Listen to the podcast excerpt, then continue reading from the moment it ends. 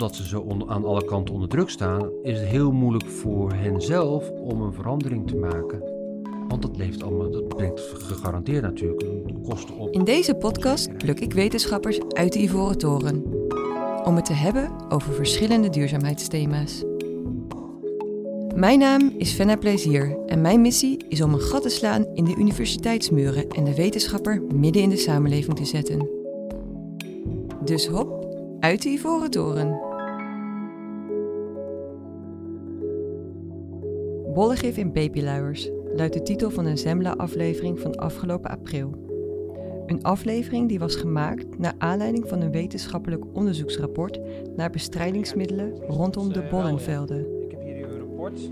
En de Het rapport sloeg in als een bom. schrijft u, is dat u een hogere concentratie van verschillende bestrijdingsmiddelen vindt in de huizen en buiten de huizen. Dat is dus Sporen van pesticiden van bollenvelden zijn overal in huis te vinden, zelfs in babyluiers. Je kan je voorstellen dat de bewoners langs de velden op hun achterste poten stonden. De tulpen zijn inmiddels weer gerooid, maar het debat bloeit. Aan de ene kant staan boze en bezorgde bewoners en journalisten. Aan de andere kant de kwekers, die zelf ook met de handen in het haar zitten. Waarom zijn de bestrijdingsmiddelen juist bij de bollenstreek zo'n groot probleem? En weten we eigenlijk wel wat de gevolgen zijn van bollegif in babyluiers? Vandaag proberen we de angel uit de discussie te halen met Peter van Bodegom. Ja, ik ben eh, Peter van Bodegom, hoogleraar Milieubiologie, Universiteit Leiden. Ehm, mijn specialisatie richt zich op het beter begrijpen van hoe wij als samenleving van de natuur afhankelijk zijn. En daarbij hoort ook de biodiversiteit. En tegelijkertijd aan beter te kunnen duiden op welke manier wij als mens de natuur eh, gebruiken. En, en soms ook een achteruitgang brengen. Of soms door maatregelen ook kunnen versterken. Zodanig dat we, als het goed is, door slimme maatregelen ook een natuur creëren die goed is voor ons mensen en ons menswelzijn. Een natuur die goed is voor ons welzijn. In de Zembla-aflevering horen we bewoners die niet meer geloven dat het welzijn nog voorop staat bij kwekers of de politiek. Maar wat staat er nu eigenlijk in het rapport? We horen hier journalist Ton van der Ham die op bezoek gaat bij hoofdonderzoeker Roel Vermeulen om over het rapport te praten. Ik heb hier uw rapport. En de belangrijkste conclusie, schrijft u, is dat u een hogere concentratie van verschillende bestrijdingsmiddelen vindt in de huizen en buiten de huizen. Dat is dus de belangrijkste conclusie van uw onderzoek. Dat, dat is inderdaad de belangrijkste conclusie van het onderzoek, is dat wij eh, in lucht en in huisstof hoge concentraties aantreffen van bestrijdingsmiddelen bij omwonenden binnen 250 meter ten opzichte van controles die verder af wonen. Het staat nu zwart op wit. Omwonenden worden wel degelijk blootgesteld aan landbouwgif. Hoe kwam dit nieuws over op Peter van Bodegom?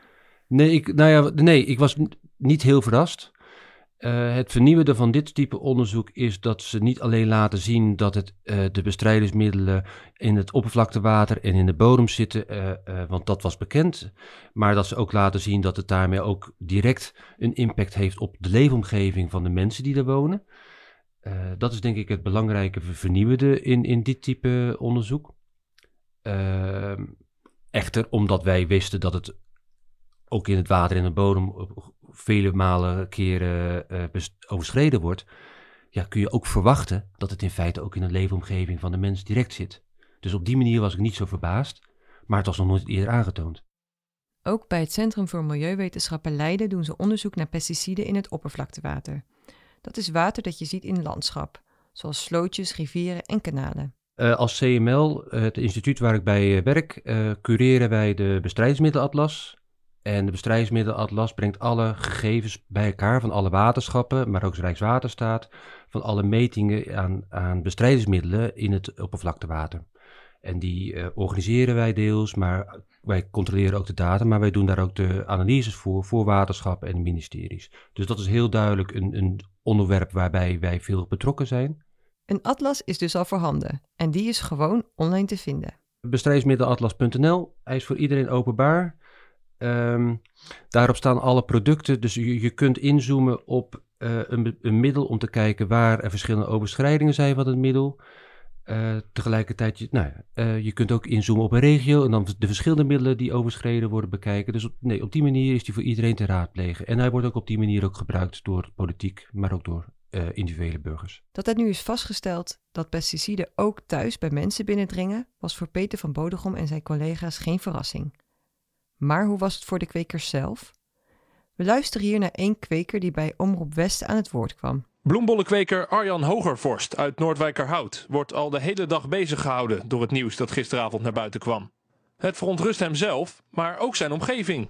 Ja, de buurtbewoners uh, die waren gisteravond eigenlijk meteen uh, bezorgd aan het, uh, ja, aan het appen van wat is er aan de hand. En die waren bezorgd en dat, dat begrijp ik ook, want als je zoiets hoort dan, dan ben je daar bezorgd over. Zeker als het kinderen betreft.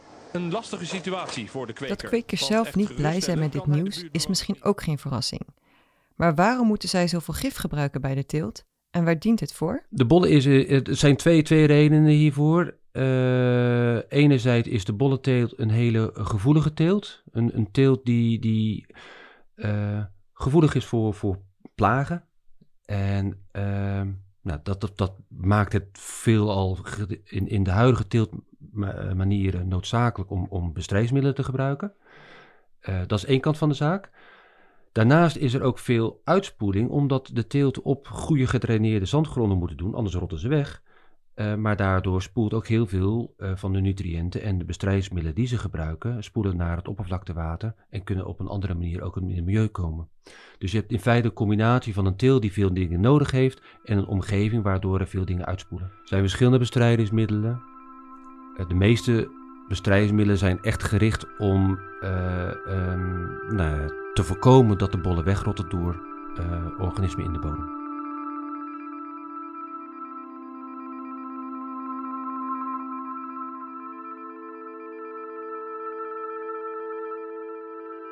De Bollenstreek is te vinden tussen Schiphol en Leiden en in de kop van Noord-Holland. De kustgronden zijn bij uitstek geschikt omdat bollen het goed doen op gedraineerde zandgronden. Maar dit heeft dus ook een keerzijde, want hierdoor spoelen de pesticiden makkelijk naar het oppervlaktewater. Hoe lang weten we eigenlijk al van deze forse overschrijdingen? Um, dat weten we al de hele tijd. Um, ik durf niet te zeggen voor hoe, hoe lang we dat precies weten. Maar we, we, praten hier in feite over tien tot tientallen jaren dat het in feite bekend is dat een aantal middelen uh, qua concentraties overschreden wordt. Het type bestrijdingsmiddel verandert nog wel eens. Er komen nieuwe producten op de markt. Uh, sommige producten worden van de markt afgehaald. Dus op die manier het type product uh, verandert.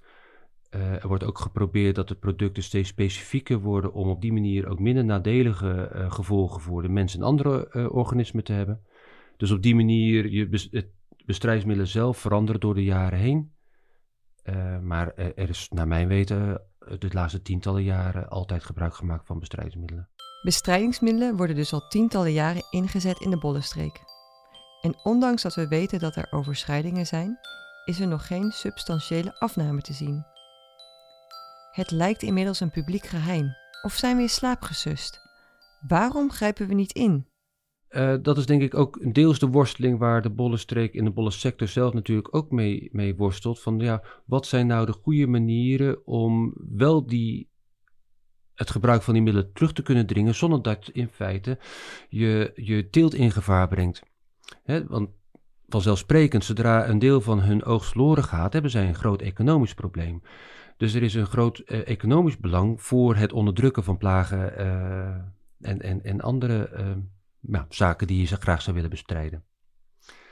Nou, dat betekent dat je dus, um, als je daar iets in wil veranderen, dat je ook goed moet nadenken van hoe kunnen we dat nou op een juiste manier doen. Want gewoon simpelweg zeggen van nou, het moet omlaag en je mag niet meer spuiten, heeft niet zoveel zin, want dan breng je ook de hele teelt als zodanig in, in gevaar. Dus dat moet altijd gepaard gaan met andere ideeën over hoe kun je nou zo'n teelt als geheel verduurzamen. Um, en dat betekent dat je dus moet gaan nadenken over uh, hoe kunnen we bijvoorbeeld de bodembiodiversiteit stimuleren, zodat er van nature in feite al uh, organismen aanwezig zijn die die plagen bestrijden. Of kun je met een, een coating om je bol, uh, die ofwel biotisch is ofwel, ofwel een chemische bescherming biedt voor een aantal plagen. Nou, daar zijn ontwikkelingen op. Um, een aantal uh, boeren zijn er ook mee actief. Er, zijn een, een, enkele boer is op dit moment ook al op biologische manier aan het telen. Is een enkeling, dus dat geeft ook aan dat het niet eenvoudig is. Um, maar ik denk dat de sector er wel van bewust is dat het duurzamer moet. Maar is zoekende naar op welke manier uh, dat mogelijk is. En naar mijn idee is de enige manier om dat echt die oplossing te doen, kijken naar een integrale, holistische aanpak Uh, waarbij je echt gaat kijken van nou, hoe zou nou een duurzame teelt er echt uit moeten zien die en een goede economische boterham oplevert en tegelijkertijd de natuur en natuurwaarden van het gebied in stand houdt en daarmee dus ook een veilige leefomgeving creëert. Maar dat, zal, dat, dat vergt nou, die interactie tussen in feite de wetenschappers enerzijds en, en de, de, de telers en andere belanghebbenden anderzijds, om te, met elkaar te gaan zoeken naar hoe zo'n duurzame teelt eruit zou horen te zien. Interactie tussen verschillende partijen. Dit is geen gemakkelijke klus. Kwekers staan onder druk van toenemende concurrentie en willen hun oogsten graag behouden.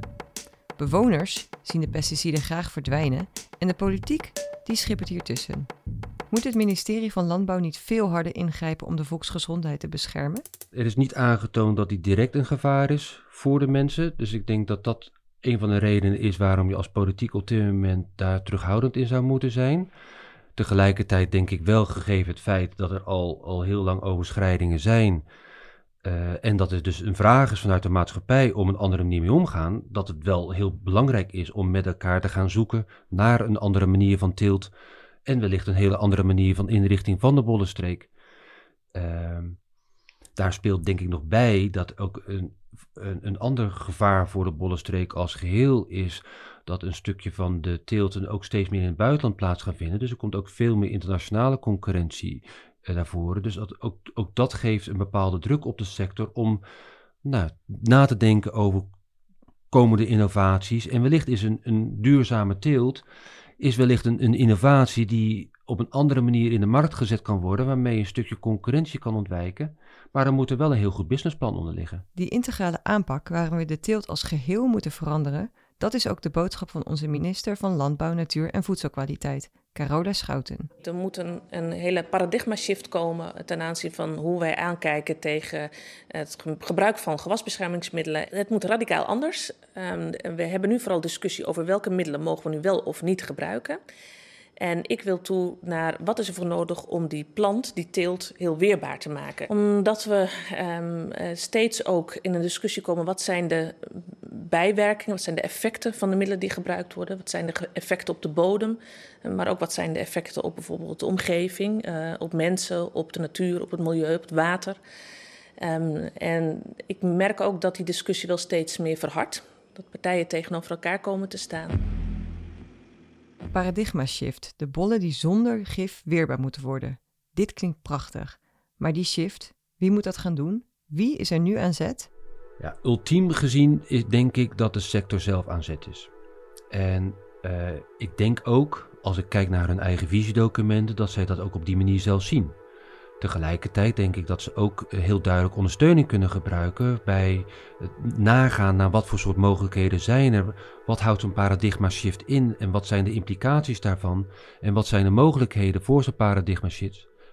En tegelijkertijd, op het moment dat we zo'n integrale andere benadering willen hebben, wat moeten we dan nog als nieuwe producten ontwikkelen en welke kennis is daarvoor nodig om die nieuwe producten te ontwikkelen, om op die manier die paradigma shift uh, vorm te kunnen geven. En hop, hier komt de wetenschapper uit de Ivoren Toren. Ik denk dat wij als, als wetenschappers een heel duidelijke uh, kunnen faciliteren om deze shift te kunnen maken, om naar een werkelijk duurzame teel te kunnen komen. Als kennisinstellingen hebben een deel die kennis en daar waar we in gezamenlijkheid een stuk kennis missen, hebben de kennisinstellingen ook de mogelijkheid om vervolgens dat gat te kunnen vullen met elkaar, samen met de, met de belanghebbenden in de streek. En wat is de rol van de politiek? Is het de taak van de minister om de ogenschijnlijk tegengestelde belangen tussen landbouw, natuur en volksgezondheid samen te brengen? Ik denk dat het vanuit de politiek heel belangrijk is om kaders te stellen en ook aan te geven dat ze vanuit de politiek, zoals de minister zojuist zelf ook aangaf, dat ze het van belang vinden dat er die paradigma shift optreedt. Uh, en dat proces ook faciliteren. Dus ik denk deels kaders stellen en deels faciliteren. Met elk nieuw rapport leidt de discussie weer op. In plaats van kringloop landbouw lijkt het meer op kringloop debat. Deels is het debat daardoor aangezwengeld. En nogmaals, ik denk dat, dat in feite het probleem is al veel langer bekend. Uh, en, en, het staat ook op een netvlies vanuit de politiek en vanuit de waterschappen al heel lang. Uh, maar de oplossing is niet eenvoudig. En, en dat is de reden waarom uh, ook die paradigma shift ook echt nodig is. Want er is geen makkelijke oplossing. Ehm, dus wat dat betreft, omdat het debat al heel lang aanwezig is, is elke keer als er nieuwe informatie op het onderwerp beschikbaar komt, is het gelijk iets wat opduikt, omdat iedereen van bewust is dat het een geen eenvoudig probleem is om met elkaar op te lossen. We hebben misschien te lang geprobeerd om het systeem aan te passen. Terwijl we bijvoorbeeld in de Bollenstreek zien dat dit niet werkt. Een radicale breuk is nodig. Wat je ziet is dat recreatie is natuurlijk veel belangrijk, heel belangrijk aan het worden. Ook gezien Keukenhof in het gebied zelf. Maar je ziet dus ook steeds meer dat vanuit de Keukenhof ook steeds meer toeristen in het gebied zelf actief worden. Nou, daar hoort natuurlijk de mooie plaatjes van de Bollenstreek zeker in het voorjaar bij. Nou, je kunt met elkaar over nadenken of dat een heel mooi additioneel product zou kunnen zijn om op die manier een goede financiële basis uh, te geven voor de bollenboeren en de bollentelers. Dat zou een, een, een, een ander product. Um, tegelijkertijd, op het moment dat je dus beter omgaat met je biodiversiteit, kun je vanuit de bollenstreek ook een directe bijdrage leveren aan, aan de waterkwaliteit. Uh, op het moment dat je daarmee beter vocht vasthoudt, ook de waterkwantiteit. En ook dat is iets waar waterschappen behoefte aan hebben. Nou, wellicht is daar ook een product voor ontwikkelen. Dus er zijn een aantal zaken die in feite samenhangen met de kwaliteit van het landschap en, en de kwaliteit van de natuur in dat landschap, die je op een andere manier wellicht in gelden kan maken. En uh, dat inzichtelijk maken en het kwantificeren en vervolgens ook dat wellicht exploreren met elkaar hoe dat een product kan worden, is iets waar we als wetenschappers bij kunnen faciliteren. Er is een samenwerking nodig tussen wetenschappelijke disciplines om samen met kwekers en belangenorganisaties een nieuw systeem te bouwen. Peter van Bodegom is zelf werkzaam bij de Greenport Hub van het Center for Sustainability, waar hij dit daadwerkelijk doet. Volgens mij is dat ook aan de basis van een integrale oplossing, is dat je werkelijk met elkaar voorbij de individuele disciplines kijkt en dat past natuurlijk heel erg mooi in het Center for Sustainability, waar we ook met verschillende disciplines samenwerken om juist dat integrale plaatje op te lossen. Waarbij mensen vanuit de meer technische kant, meer mensen meer vanuit de milieuwetenschappelijke kant en mensen meer vanuit de economische kant gezamenlijk kunnen kijken naar zo'n integrale oplossing. De Greenport Hub die uh, staat ervoor om uh, te kijken in hoeverre we een circulaire en duurzame teelte uh, kunnen realiseren. En dat gaat deels voor de glastuinbouw, en deels voor de bollenstreek, maar ook een aantal andere uh, open teelten. Waar hebben wij interesse in om onze kennis daarvoor in te zetten en samen met belanghebbenden verder te ontwikkelen om tot zo'n duurzame circulaire landbouw te kunnen komen. Elkaar opzoeken voor dit nieuwe systeem is erg nodig, zo zegt Peter van Bodegom. Want de kwekers in het nauw drijven, dat helpt ons niet verder. Heel veel agrariërs, en, en de bollentelers zijn er geen uitzondering op, voelen zich aan alle kanten onder druk gezet. Uh, ze worden onder druk gezet door de internationale handel met lage prijzen. Ze worden onder druk gezet vanuit de politiek om, om, om, hè, voor een meststoffenbeheer, voor een bestrijdingsmiddelenbeheer, voor, voor noem maar op. En ze worden onder druk gezet door alle andere organisaties in de omgeving die vinden dat ze het landschap aantasten. Tegelijkertijd heeft, naar mijn gevoel, het overgrote deel, dan wel niet alle agrariërs, hebben het beste voor met hun eigen product en eigen landschap. Uh, zij voelen zich verantwoordelijk voor hun, hun, eigen landschap. En voelen zich vaak niet herkend of erkend uh, dat zij het beste voor hebben met het agrarisch bedrijf. Dus zij voelen zich vaak in een nauw gedreven vanuit die verschillende invalshoeken, waardoor ze het gevoel hebben niet het verhaal kwijt te kunnen dat zij ook het beste willen. Um, maar tegelijkertijd denk ik ook dat, uh, omdat ze zo aan alle kanten onder druk staan, is het heel moeilijk voor hen zelf om een verandering te maken. Want dat, leeft allemaal, dat brengt gegarandeerd natuurlijk kosten op, onzekerheid enzovoort. En dat maakt het lastig om die verandering te realiseren. Ik, ik, denk dat daar nou ja, uh, uh, een deel van de knelpunt zit. Dit was de laatste aflevering van seizoen 1 van Uit de Ivoren Toren. Maar we zijn na de zomer weer terug met een nieuw seizoen. Ondertussen heb ik een vraag, of nou ja, eigenlijk meer een opdracht voor je. Vertel iemand over deze podcast. Stuur hem of haar een linkje. Spam ze, mail ze, app ze. Want hoe meer mensen luisteren, hoe meer impact de kennis van onze wetenschappers heeft op de samenleving.